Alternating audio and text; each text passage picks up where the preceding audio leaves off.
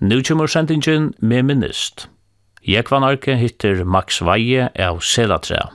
Hette er fjóra og seinasta sending.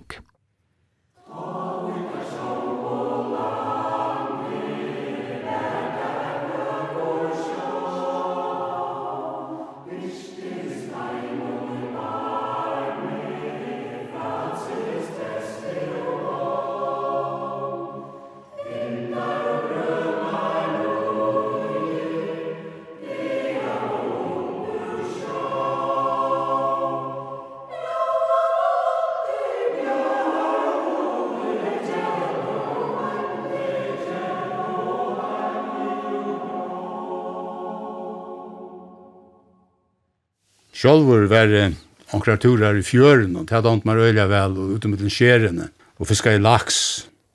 Jeg og Hans Danielsen og Lorvu at jeg gjør sånne turar etter laksen, i gøtten, det var stått litt. Østene platt jeg å være arrangstjørajakt, sammen vi Johan Johansen, stasjonsløyeren, og Hans Sørensen, tekniska løyeren. Da fører vi vi båt inn i Gostovsjøren, stima og i nakra tøymar, og inn i Kossuk. Her vi så enkla opp, og så hadde vi denne joll og på sløyp, så sylte vi nyan etter ånd i her i en tøyma, så lengt inn i landet som vi sluppet, til vi kom til omkran foss, og her tjalta vi så. Så lau vi her i nakra det her, men vi var et rønstjør. Det hadde ikke mer øyelig vel. Det var nek rønstjør å få at det var ikke kvotaskipan, det var om ikke til av dem. Så i minst den ene turen, da fikk vi 15 år. Så det her var nek nek kjøtt til okken trutjar, og jeg minst at Vi tog det upp i förrän kan och friste nyer, og jeg ju en pars till familjen och hem i färgen vi omkring Kipe som førhøyen. Så gjør vi det eisen här. Här inne i Kossuk i Anne, här var sånn det som det kallar, her kallar vi kallet for lakseørret, til bløytja av de døytra førskene. Staurskyld som var i Anne här. Och ta det standa så är sånn her, og antøva nedenfor en foss, hvis man så är lealig, så kan man färra späckliga vid i håndene, og struka dem fram etter under sporlen, og så tekka Det var en annan måte halda det til å være så beheilet at det blir lyttjande, og så kan man tekka dei og sipa det på land. Vi fikk negv syl på den måten, som vi så øsne frist og, og høtte til vetrarføy. I vil høyver tjekta stek vel av Nordaffær vi vidtjande falskje. Anker troplaga våre, trei så Anker måtte få vite at han måtte sleppa seg bort og kjens kunne halda seg fra brennvinne Og anker tog var på etter politien, men det, det var undantak. Som sagt var um, kontrolløren politimyndeløy, men han hei en mann av Nordafer, Johan Danielsen, ur Nølse, som hei arbeidt av Nordafer i negv, negv herrans år. Han hei politimyndeløyga, skjelte og knippel og, og kasjett. Så det var bare etter hånden hvis det var okkur skjeglet. Annars hei han vært nottavakt av føringkannen som jeg var, og jeg synes ta i nekv og skipene var og norsk og tusk og angelsk og spanjolar og portugisar. Det er lov øyla nek skip i kajina, og i Grønland er så øyla større moner av flau og fjør, og så det hendte seg ikke så sjalt anna menn fyrir nir i middelen, det er jinko i middelen skipene og middelen skip og land og så er. Ja, han sier for meg at han hei bjerga enn hundra mannen som var dottene nir i middelen, oppater ur sjøen. Nøkker var sjøttene, ta fekk jo han Danielsen en av virusløn fire Hetta brakt som han gjørte meg han arbeidde som nattarvakt av Nordaffær. Og en særlig hending som er minnes, som er sjálfur blei involvera av og i la nøytist at takka meg av, til å være øyne for nær, hetta man har vært nekka lengt ut av hestet, tog at Johan Danielsen var ikke han er nok vært i høymfæren. Nå kom at tver grønlandska jenter som arbeidde i Flekkavisjen og Nyandelmoen, av kontoret, ja, av Himmelfjallen, så det her er det tvær menn som ikke øyne vært her. Så hva mener vi? Ja, tar øya sitt i fangsten og i godt opp. Spør jeg før det var, ja, tar visst hva står hit. Jeg ringte så til uh, politiet og spurte om tar sakna av nærkene. Og er det her, sier jeg, ja, han takter på en av veien. Er han takter? Ja, ja, tar det løsferdig. Tar jeg slett ikke en galeiser. Tar det runter og tar stål igjen av jolle og vittes bare skal det være. Så ja, men så tid må komme han takter. Ja, ja, men vi kommer på en av veien. Vi sendte politiet på en av veien. Og så visste jeg som vær, så tenkte jeg trodde jeg tog meg han sylte ikke mer enn 12 mil, og det er en 6-34 nere i føringene. Nei, nei, så tar Thomas, han takker der og får der inn i kjekkelig sita, og en uke først det, vi tatt tvær sånne kliver til å sette fengar ut, hvis det skulle hensi at det var nøyut, det var bare øyne for munnen tog, du er bedre.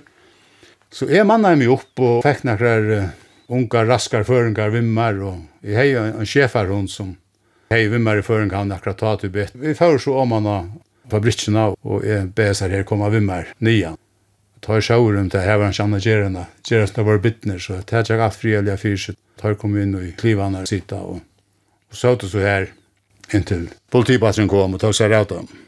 Men det var sånn nerva pyrrande, det vil jeg si. Om årsskiftet, øynefors, tveiefors, gavs det så av Nordafær, og ta for det så at arbeidet tja til kongelige grønlandske handelen om.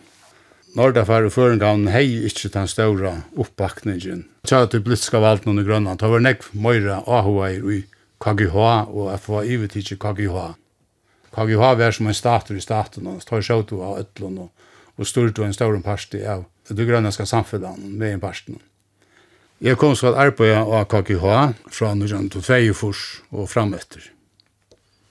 Nå har du greit å komme fra tvinnare Tøy av Nordafær i Føringhavnene. Og du hever eisne veri atter i føringhavnene fyrir Veimann Arnsrujane. Og jeg kunne også bare spørst deg hva du helder om til sjånene som du såst her. Ja, altså jeg kom alltid nek ved føringhavnene. Øysene med jeg arbeidde i KKH og 17 kjær av Greenland og, og bo i Nok. Det var et nok så fast utfører mal tjåkon. Jeg hei båt i nokre år sammen vi Jørmund Våadel og er at vi så silt jeg samme vi Jørgen som høyde båt. Vi var nekv i Føringahavnene. Høysen i 18 år at de flyttet borster til Kanada og Amerika og, og Førjar, så hendte det seg av og av at jeg var her. Jeg var her i 2014, da jeg var jo til i en sommerlev som Ebenezer i Nokhever i Amralikfjøren. Og da jeg så en båt, en, en turistbåt, en, en trobåra båt som heter Immanuel. Jeg er siltvis nere båten og vi gjør det sånne akkurat løyeturer, ta i vi tatt stunder inn i midtelen, og, og her i midtelen til Føringehavnene. Det var en nok så trist sjøen av Sudja. er veldig jeg visste hver i alt. Brusa i og var en øylig aktiviteter. Knappt jeg nå er ordentlig, alt er støyndet, ikke varme nekra stene, og hver roter bråten, og alt stender og, og forfettler. Det, det var syrgelig.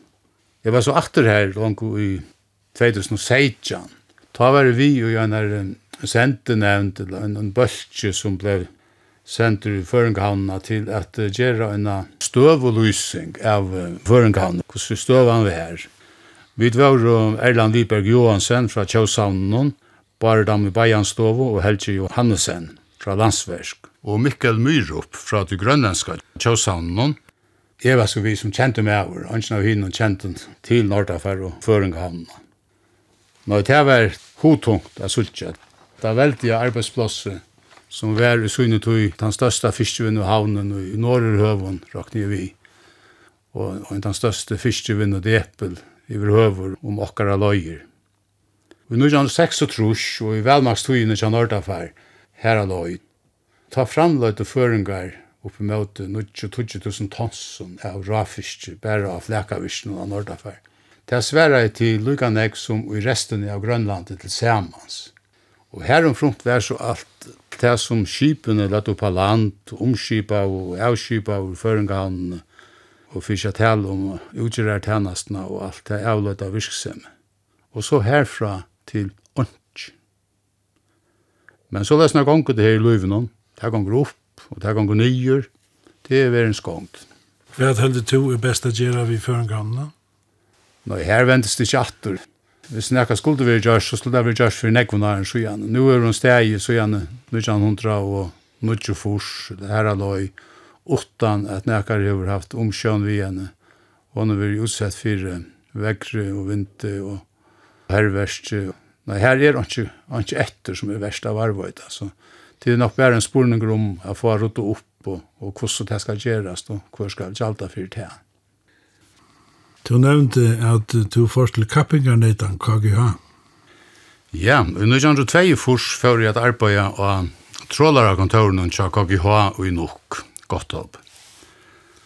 Trålarakontoret var en pastor av det såkallega handelsinspektoraten som var den oversta Lorsland til KGH i Grønland og som på en måte var som en skuggamynd av stjøtnar skrivstående og annet som var i København ta. KGH var ta en aldargåmul fyrirtøkka, ståna i 1604, og det første mange årene tjekk han under navnen den kongelige grønlandske, islandske, finnmarske og ferøyske handel. Hetta var en monopol fyrirtøkka under øynene og felags stjåra. Så vi vi fyrir finnmarsken, Osland og Førjar, Bostrure, sånn her monopolhandelen, fyrjar i 1806. Men det kom a genga 130 år, åren Grønland, gjør det det samme. Da jeg byrja i KKH i 24, da var vi 4500 starsfolk. Her er 800 i Danmark, det var 18 prosent av starsfolkene, og det var nesten dansk. Og så var det 3600 i Grønlandet. Og av tøymen var 3400 fastbyggvande, og omlai 300 som ikkje bo fast i Grønland. Jeg gjør så øyne av sånne her 300. Vi ble flokka i som utsendt eller tilkattla arbeidsmeg. Som utsendt hadde vi avvisar fire måneder, men landa fink vi det såkalla avsavnstillegg, som lønnar utskøyte fyrir til at vi ikkje bo i okkara heimland. KGH vær som en stater i staten, kan man godt sija.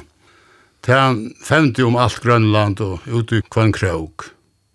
Høvestolten er vår flottningsstolten som heier til arbeid at flytta folk og vøro til Grønlands, ur Grønlandet og innlendes ui Grønlandet. Så var det forsyningstjenestan som heier mætvøro og handla i kåle, og olje, og timpre, og öllum som Grønland hei bruk fyrir. Og det hadde det skyldt til at det var gømslo rundt om i landen. Så var det framløsledøylten, det vil si at trålare, fiskavirster og slakta roi, og narsak, og alt det som hei vi framløsle at gjøre av fiske og djauron. Og søludøylten, som selte fiskavører, seiakjøt, rønskjørakjøt, kaupaskinn, alla grønlandska framløslen. Og postverket, ikke jeg gløyma. Og så rekk KGH Østene lufthavner og hotell, særlig i Streimfjøren. Og så var det felaktstolten, omsidingen.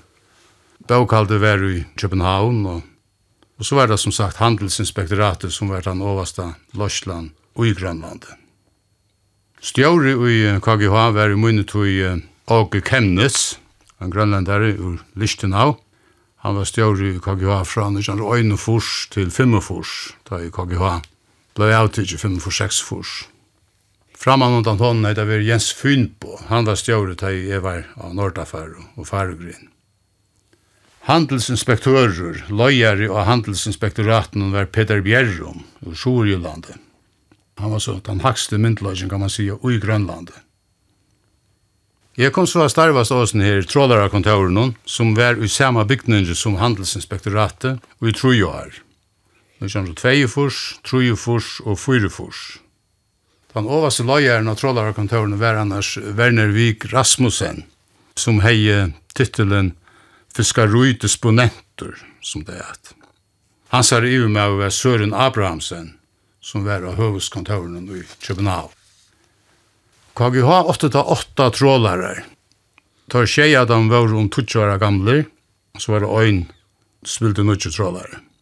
Den eldste var nok, det var en trålare på en halvtrus metrar, bygde i Bergen og nutje nutje trus. Og så kom en serie opp av seks trålare, den såkallige manusoktypen. Og tar kom og atler i 1,5, 2,5 og 3,5. Manisok, Pamiot, Erik Egede, Sisimiot, Elias Kleist og Karl Egede. Tar var om 200 føtter, han har trus metrar lenge. Og den åttande, og den som var nybygd, ja, den kom akkurat da jeg kom av KGH, han er David Olsen. Det var en lydel dødler på han her, 30 metrar og sjovt. Ja, han var bygter om løy, 2 fors. Ta i KGH bygde ta i ståre trålarne, maniska typene, ta var det Kai Johannesen ur Kvannasundet, busedende i Klaksøy som hei vært rådgjøver i KGH. Ta i haft atlander om å bygge noen smarre skip, på en er 130 føtter eller her aloi, men Kai fikk fra rådgjesen her og rådde dem til heldra bytja stål og effektiv skip på en 200 føtter. Og ta i lort av etter Kai og bygde så seg her trålarna, manusoktyperna. Det var gauskip. Det klarar seg sera vel i us og vinter og så fram. Manningen var ta fyrste tøyina helt om helt føringar og grønlendingar. Og i mine tøy, fra Øynefors til Fyrefors, var det fyrst og fremst skiparar, styremenn og maskinmenn som var føringar. Og ønstekker trollbassar og fabriksmørstar. Onkur hentinga kokkur og og dekkar var røsten. Annars var det iver høver bæra grønlendingar som manna og dekk og fabrikk. Nekker grønlendingar var styremenn, og onkur hendinga kipari var Om Ombora David Olsen var bæge kipari og manning grønlendare. Atler utan maskinmastaren, Olavur Absalonsen ur Vai. Han var ensamadel føringur vid David Olsen, og i mange år. Og det er dem, tar fiska og holdt vel. Føringarnir som sylte vi hinnom kalkylatrollarne var også en stærkt unalige menn. Det som som store menn og morstare. Det var stort litt at arbeida saman vi så gavun falskje som vi tøtt. Jeg fær ikke ramsa der opp her, til så gløym jeg bare omkran, og det vil jeg ikke. Trålare kan ta i omsett av sine vattbunda rujene, trålverstøyene tja KGH. Vi tøtt seks vattbunda ruj, åttu i Pamiut, Fredrikshopp, åttu i Nuk, Gottopp, Vi Manesok, Sukertoppen, vi Sisimiut, Holsteinsborg, vi Kassiangovit, Kristianshop og i Lullesett, Jakobshavn. Og de skulle så først og fremst forsvinne KGH-trådæren, men også i ætlån øron skipen, ætlån øron grønlandskon og utlenskon skipen, som kom inn og hadde bruk for trålgrøyen, kunne kjeipa fra sånne trålverstene. Trålærerne tar større, tar landa og nesten bæra i Pamiot Nuk, Manisok og Sisimiot. David Olsen, han fiska i rætjur bostur av, og han landa i, i Diskovicene, i Kassiangovit og i Lulusett. Tar større trollaren, tar fiska av tosk og rætjur skiftevois, som da nu la fyr. Om veteren tar i alt friste til her norr i aløyne, Ta var det nekver av fiskaren som lødde om til å fiska vi hundasledd. Ta fyrir vi hundasledd ut etter uisnon til å komme av fiskeløy, så bor av der så et hål i uisen, og så sette der løgno etter svarskalva typiskt. Spekulja nye jøgnet der her hålet, løgnan hon reks over i streimen hon, og tar fiska av nekvan svarskalva på den måten. Svarskalva ble så hala av oppe jøkna hålene, lagter da, hundasletna og kortur heim og avrøyder av virkene. Ta var han bøgnfryster. Det er så kaldt der oppe om vetren om vare ta i ta ta det kunne ta lenka tog att uisrun upplastust inni av diskovigen og erastan. Ta gjør så til at han sprangt og uisen sunter, så vil jeg si at han atter av sted. Hetta var en brøytingar tog, godt nok var KGH intakt, av skala til jeg var kommet her og nekket annet til, men langt i 1945, fra 1. januar 1945, blei ProX som vi drøftet det. Det stod for produksjons- og eksportsektoren til KGH. Alt det ble ivetidje av grønlandska landstyren. Hetta femtium tar åtta trålærene, seks trålverste, öll fiskavisjene bei stør og små, og så søludaltene til KGH i København, som så søtten ble flott til Aalborg. ProX ble ta luta sunter i trutjar dalter. Det ble en fiskevinnedølt, ein framløsledøyld og ein sølødøyld.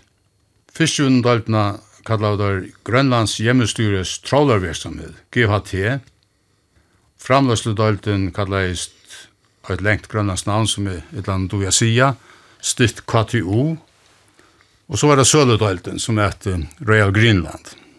Navnet Royal Greenland var man så glad for. Det var man varvøyta som navn av Sølødøylden, det var så vel kjent, og kjent brand av hønsmarsnøynen, og Og man hei enda løyve til at marsnavet føra seg vi uh, avskriftene by appointment to the Royal Danish Court. Altså veitare til ta kongalia danska hoffe. Jeg halte at det er bare ein ånder fiskvinne fyrtøkka som hever uh, handa møvløkkan og til er glungøre som selur uh, sildabitar og tydligt. Verner vi Rasmussen gjør det stjåre av trålaradaltene GHT, og jeg gjør det så fiskarudisponenter, fyrir trådlærerne.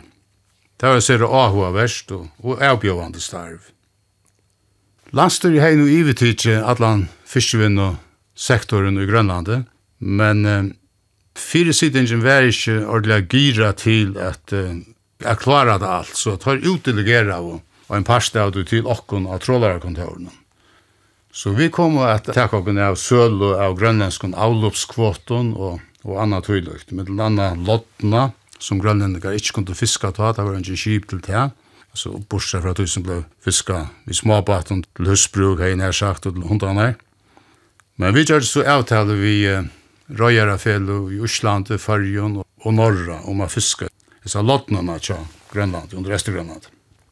Så var det også et fela som kalles Japan Deep Sea Trawlers Association, det japanska trålarafella. Tøyre fingu vi að koma til Grønlands að fiska út i að djúpum vatni etter særliga kongafiski og svartkalva.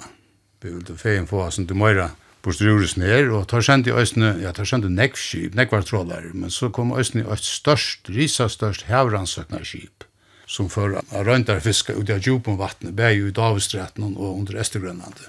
Og det var her i nekkvar, Men det var jo snaknar i fyrje, minst jeg ser skip i her havnene, enn jeg fyrir kusser. Og i januar mannen 1946 gavst det til KGH og førhånd til fyrja at æla laks. Det sann også løst ut ta for laksa æling og syla æling. Prusene var jo himmelhøyer, og man har jo ikke om når selja sjuker eller trobeløyger. Jeg og flere i familien som er hatt og kjørst et pastafella, parstafellet i Åsa Batje av Selatra. Og vi tatt og et år framan undan finnes jo et æle løyv vi headjeg når han fyrir vekkranis til at æla laks og suil. Det var en ekver som hun tatt søkt og fink og løyv til at æla. Vi alta av åren i alt trus, trus, ælarar til at være på det mesta.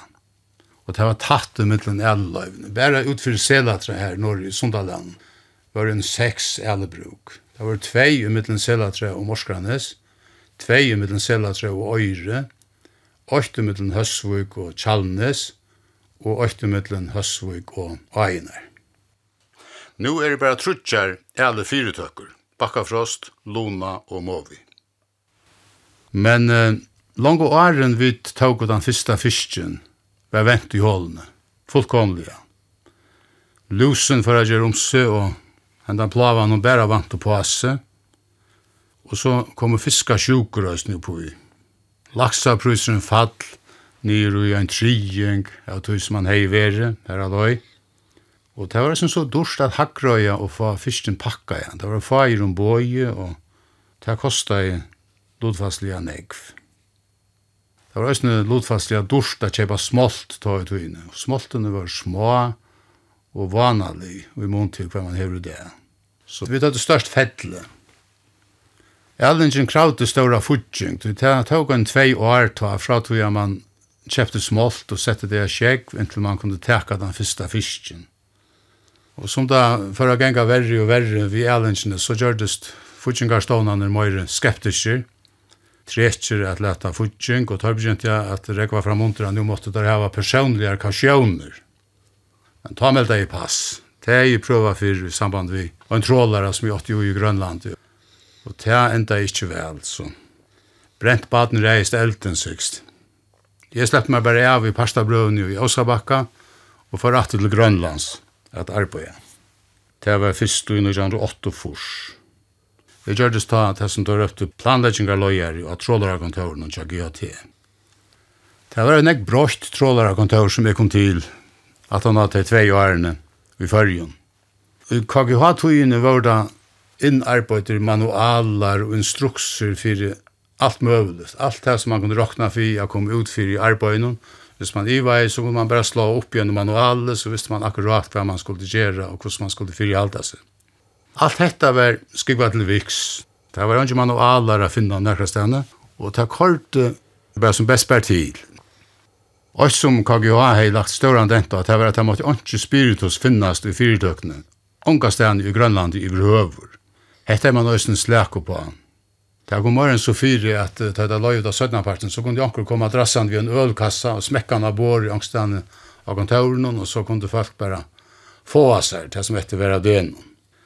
Och tanken var rummet han att nu gjør vi ju det så gjør vi to av de grannar i morgen, och så er det snart, kortet där.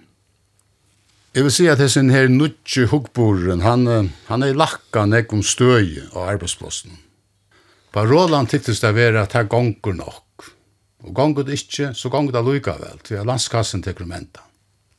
Men det gikk alt anna enn vel, forgjørlig å se. De første fem årene, fra 1945 til vi 1945, var underskott av kvarjen året.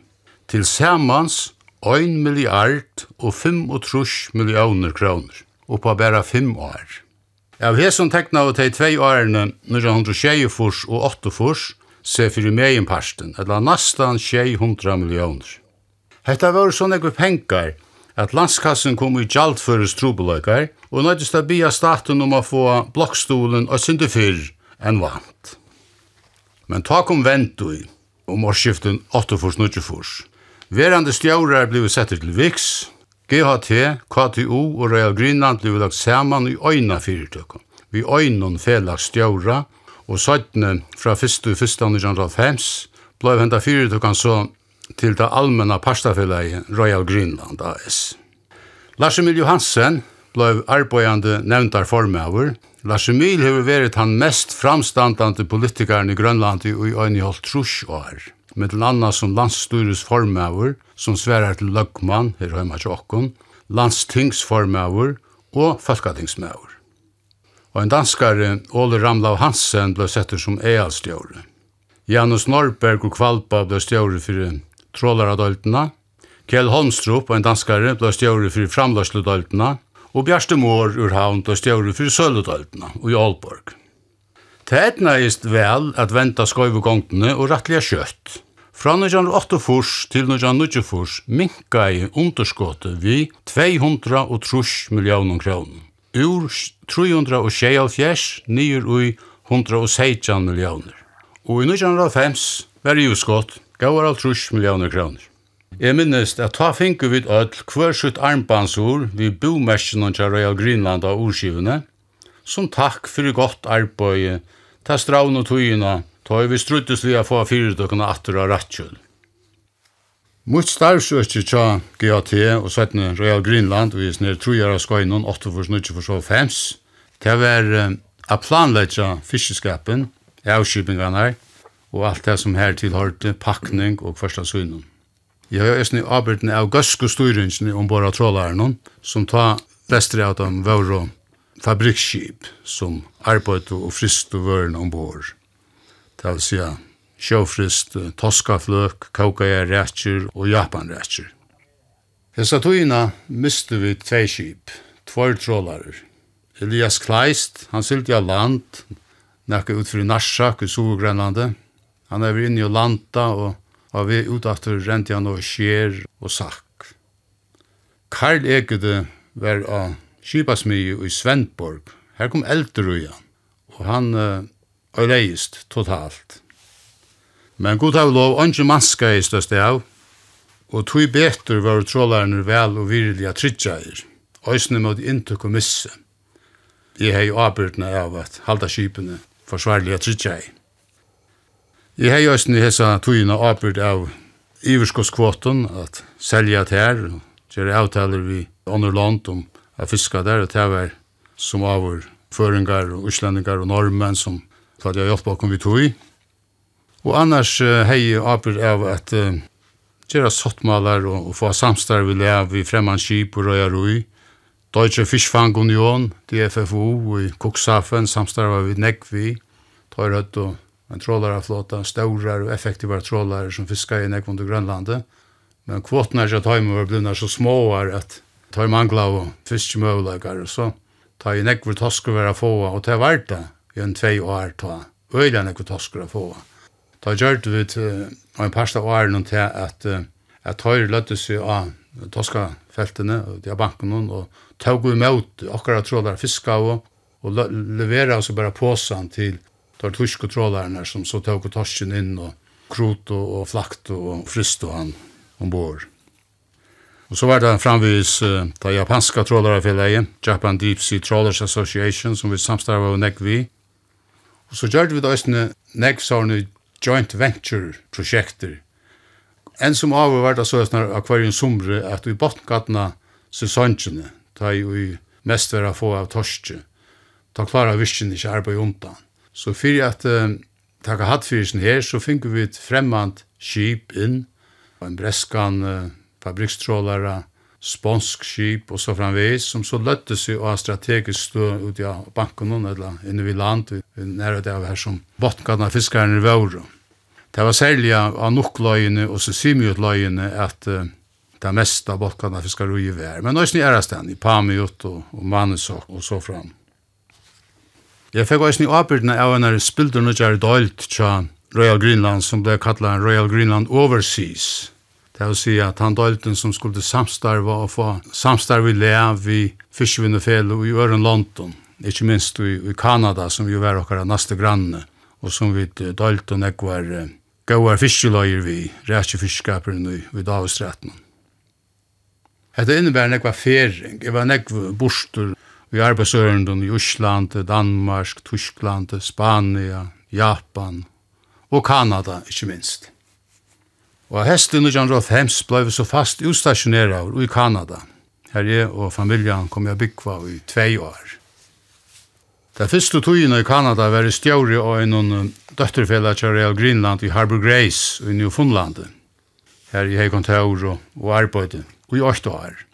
Og medan vi var i Harbor Grace hendte det at Real Greenland kjøpte en av ståra danska fiskvinnefyrtøkker som er Price and Company som hei i høvesette i Lungøre. Her der hadde vært størst og effektivt røytjevirke og òsne et gøstjengarvirke. Tøyr hadde var døtterfel og vuja hver om heimen, med landa hadde var i Halifax i Nova Scotia i Kanada og åttu i Gloucester i Massachusetts i USA. Det ble så avgjør først å lette skrivstående i Harbor Grace, saman vi henne i Halifax. Jeg flyttet så nye til Halifax og ble stjåri av fellene her. Søttene ble så lagt saman aftur i middelen Halifax og Gloucester, og jeg flyttet så vujere nye til Gloucester. Og medan jeg arbeidde i Gloucester hendte til at Royal Greenland Shaper et uh, Røya Rui, en av fiskvinnerfyrtak i Seattle, som fiskar vi tvøymun skip om flætfisk under Alaska. Og det ble så avgjørst at letja Gloucester-kontoret og Seattle-kontoret saman, så vi enda i, i, i Seattle i Washington, helt i Vesterstrondene. Og her dømt mer stekvel, Verkost og spennande sted at arbeid i og byggva. Mine arbeidsoppgaver i Kanada og USA var til en større part at utvida ravører til grønlandsk fiskavirster og rækjevirster. Og æsne liutvører til at selja i Jøknon Real Greenland rundt om i høymnen. Det kanadiske rækjekipene som fiskar ved Davosretten, det var en opplagter samstartspartnere. De landa og gjerne i Grønland, og det som ikke ble koka eller frist til Japanreier, det ble så avrøtt til Royal Greenland og arbeidt og pilka av rettsvisjon og tjokken. Jeg kjøpte østene og gjør det en samstagsavtale ved en større rettsfabrikk i Lamekk i New Brunswick. Tøyr baserer av sine framlagslo på feskar rettsjur, fiskar i St. Lawrence-fleppanen. Og tøyr tøyr tøyr tøyr alt, det her ble simpelthen alt pilka. Så det var en standande gau framløsla, det ble så staurar og gauar, pilka jeg rætsi på sjusnir. Tar så en firmon i at samstarva vi Royal Greenland som kom a selja alla torra framløsla, og vi vart ta en sånn know-how fra okkon. Vi hadde lenga røyntir i rætsi pilking og framløsla, så vi sendte folk til Lamekka, leggja dem og lea og finko brøtt nekra mannagongter og onkra nudjar moderne maskiner som tar ikke kjente til ta Jeg kjøpte også en fristan tosk fra kanadiskon kipon og fristan svarskalva. Og en av fyrir minns det at jeg kjøpte tusen tons av rundfristan tosk fra en risa større trollare som et Polar Storm, den gamle Rehammer. Han fiska i ta fyrir øtt røya rui i Nova Scotia, i Mulgrave. Men han landa i gjerna i Harbour Grace i Funlandet, til å lukka som betre fyrir, her var størst frist i hus og a få da i avkypa eller kveldan skuld minns at jeg har gjort avtale om at det her, og Kjærstra skip, Friste Farma skip, la kom etter fisken, og medan jeg hette vi landa i Harbor Grace, nå uh, ganger det opp for arbeidsmannafellene i Nyfundlandet at uh, som fiskeren skal sendes til Grønland, så arbeidas det her. Tar blev ju öjne, tar vill det själv arbetsplatsen skulle flyttas till Grönlands. Kanadiska fiskar skulle arbeidas i Kanada. Så detta blev en trobelage. Jeg visste ikke hva jeg skulle stille opp, så jeg raførte meg vi uh, han som jeg kjøpte fisken fra. Og hatta skal du ikke beglere på, sier han. Det var en, en danskare, Chris Topp, som hei et røyere virkje i Malgrave, Nova Scotia. Han sier, vi øyes av kvotene, heter en kvota som er tilåta Nova Scotia, og Newfoundlanderne skulle ikke bestemme hver hun skal hen. Jeg tar han av fisken, sendte han i land, vi traileren, og vi ferko til Nova Scotia, og så gjør vi han hva det vil. Da snakka vi bare om. Vi tar han hjem til nå, skal vi og til det. Det gjør det han. Jeg sendte bare skipet om dirigere av tøy. Farmaskipet kom så til Målgrev, og her kom fiskeren så ombord fra oss ned traileren som hadde vært avvis i nekva tøymer ur Harbor Grace. Så her slapp man vi skretsen noen, og disse tusen tonsene kom og ble satte så ble vi flakt og, og pakka i, i Pamiut, Fredriksholm. Jeg gjør det en avtale vi um, en fellesskap, en indianere fellesskap i Labrador. Tar det finnes en større svarskalva kvote fra rydgjennom, som tar rått og iver, men tar det var ikke kjip eller nærkant mølaga for at utnyttes av kvotene. Så jeg gjør det avtale vi tar om at kjeipa kvotene, og man ikke være å få omkring grønlands kontroller, at kjøre Greenland og komme iver og fiska og frista, men tar hatt snakk anna gjer akkurat da. Det var lukka som ikke kapasiteter til det. Så jeg fikk så i stedet for Knut Varsdal i Ålesund til å sende en av synen friste trålaren iver til å fiske seg svarskalva kvotene. Hun ble så landa i Funlandet, og fiskeren ble selter av marsneinen i fjærrestre som vandlet i Japan og Kina. Men renner i ho, en av i Alaska, er vidja i Bristol Bay i Økjennom, til her vester i Alaska. Det var det røyna klonda eikvirksemme som her tjekk fyrir seg. Hetta var i laksasesongene, Den amerikanska kvotaskipanen legger opp til såkallegan olympiskan fiskeskap. Det vil sija, myndlagan er avsett av en holdarkvote, og nær byrjas kan ha fiska. Ta i holdarkvotan er oppe, så stekkar alle fiskeskap. Hetta føresjående visser at menn røyna er fiska som mest og på styrst møvliga tog. Og tann som sterskastur er, etla vi tann mest effektive kipenon, fær sjående mest bortri ur kvoten. Under Alaska er nekvur vitt og en fem imisk slø av laksen som er sjående møyre verdt enn ånder. King Salmon er den best omtøkte til mattene. Og et annet laksasle blir først og fremst brukt for råknende skyld. Det er nekvært. Jeg giste til en amerikanere som kjøpte laks fra fiskaren. Det var ønsken lujtjende havn og nånt og større moner av flau og fjør. Han gjør så til at han håndta i laksen vid Tyrlund, bøgnløys fra fiskemannen. Tyrlan fleis og laksen nekka nian fra strontene, Her hei han et fiskehus, her lakseren så ble rønsaver og pakkaver, feskur og flamingokassar. Kassan er så kordur av flåvøtlen og fyrir vi flåfære bont av marsknægen og i Seattle, San Francisco og så framvegis. Her var òsne et anna virke, som var en japansk 4-8. Her ble òsne tidsi mot lakse, men her var det fyrst og fremst roknene. De ble tidsjum, nye sjåa og sendt til Japan. Sjálfur fiskeren er ikkje det ståra virre. Av Kodiak øytne, vi tjeje med landa et rætjuvist. Te løgnast av rætjuvist i nekrand jeg har se. Tar et finnje hendur av en gamlun farmaskip, rymlig størst skip, som tar løttu vi øyna kai, og bor innrett av tar seg øyna rætjufabrikk og av fløyre dekkum. Rætjutrålare kom så inn, vi fotlare last av rætjun, utan hus og utan kassar, bare bulk i lastene, som om det kunne være sandur. Farmaskipet sette så en stauran snapel nyr i lastena og sei rætsenar upp ur trålaren. Virkjesløyeren var blodjur og tøyur og vuste meg rundt av skipen hon. Jeg spurte om hvordan større urstøkko han hei. Å, urstøkko, sier han, som om det var nekka som han ikke leie seljan da. Jeg har man litt om enn 15 prosent. Om så må tøy la urstøkkan han åkken i Grønlandet mellom 25 og 30 prosent, nærre 30 Og i allar fiskaframløyslu og rætsjeframløyslu er etta vi urstøkene og en den tuttningarmeste faktoren i røv. Hon sier okken om framløyslan er no effektiv, om hon er lønandi et ikke. Og et som er minnes fra Nufundlandstøyene, det var at mitt om sommar ta stangt og flekkavisne fyrir møtuk av fiske og for at innhandla og frista ber. Det var helt utrolig, men her er øyla nek ber i Nufundlandet. Ta i teg så er i byggven så fyrir mever av huset ut at henta ber. Og te er ikkje berre i lykk og i spanner, men te er i tonsa hus. Det fristes hos i beren inn av flakavisjonen i blokkar, og te var nek hundra tons, jeg var ikke akkurat hvordan det, kanskje det var tusen tons, te var øyla nek. Og te ble så eksportera til, uh, selja til Hollands, hva det så ble brukt til framløsle av blabersopp og, og anna tøylykt. Det var nek vi med slø av beren, ja, men kan hukse om det at Da jo utsingene kom ur Grønland til Kanada, så kallar det landet for Vinland. Og det eneste stedet hver man nu stedfest at det har vært til er i Funlandet, og når endan han i i Lanse og Meadows. Jeg god vite om det ikke var ikke her berene det har brukt til å gjøre vinn av. Det kunne huksast. Prusen er svartja av sjåvande, ikke minst av rætsjon, men det som svartja i mor, det var dollar av kursen. Han kunne svartja holdt negv. Så det var sånn at vi først så lærte det seg til åkken at uh, senda rækker ur Grønlandet til Amerika og selge her i vre.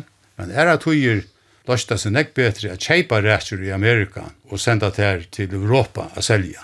Så det gikk på av veier. Vi først var nek for konteinerer avvis til Amerika å selge, og er at høyer var nek for konteinerer avvis ur Amerika til Europa.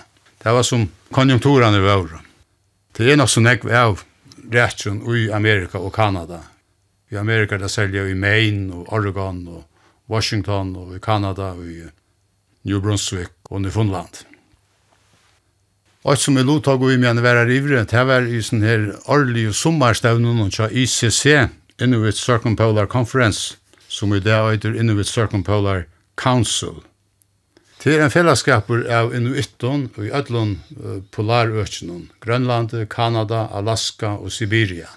Og tar koma så saman av og av til sommarstevner, jeg minns en tror i fyra år i middelen eller også sjåvert.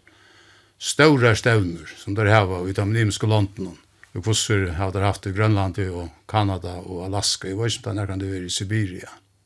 Jeg minns jeg var vitland at tver av sånne her stevnen, andre var i Anchorage i Alaska, og andre var i Inuvik, som er en lydelig bojer i utnøringshodnen av Northwest Territories som er det øyde noen av åt.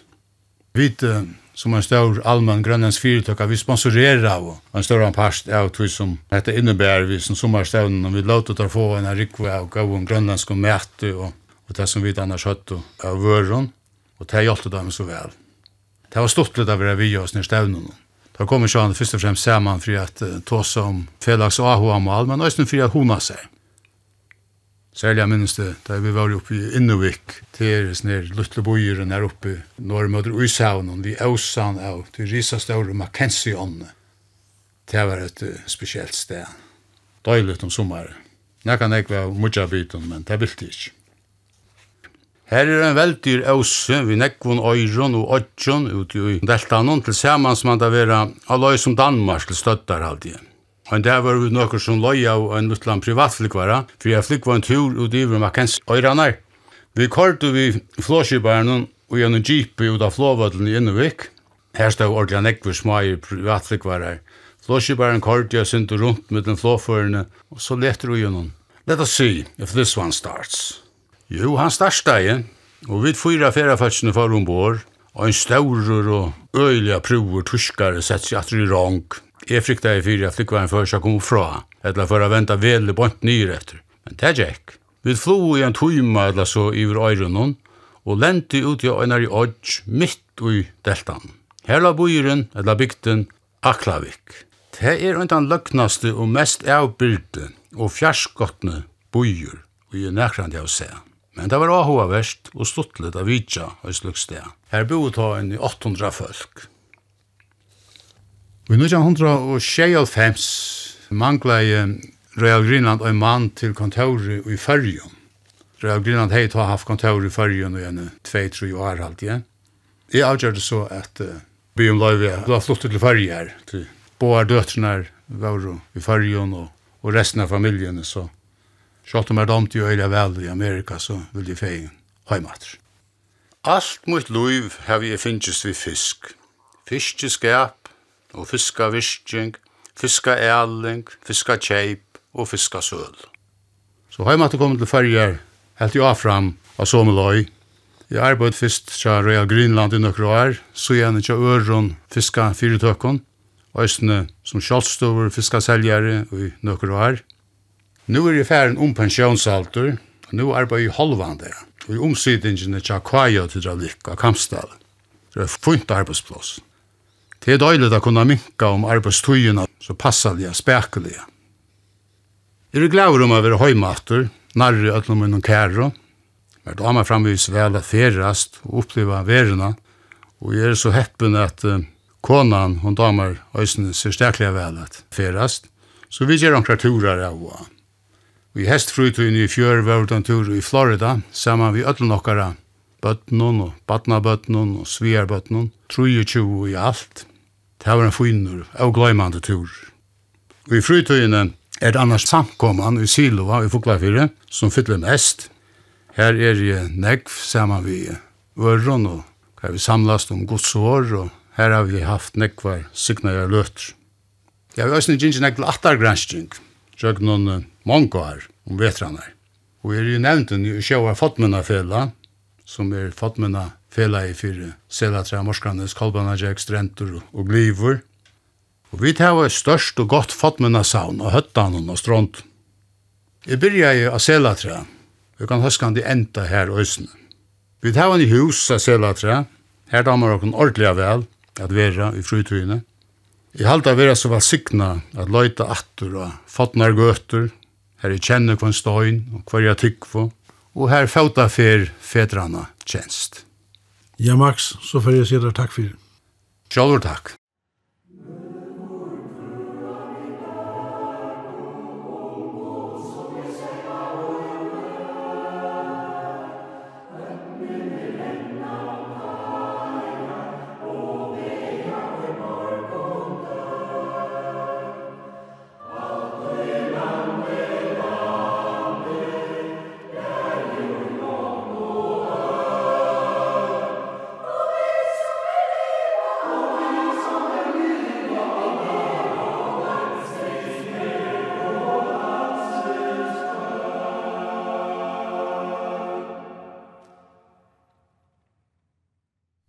Hatta var sendingen med minnist.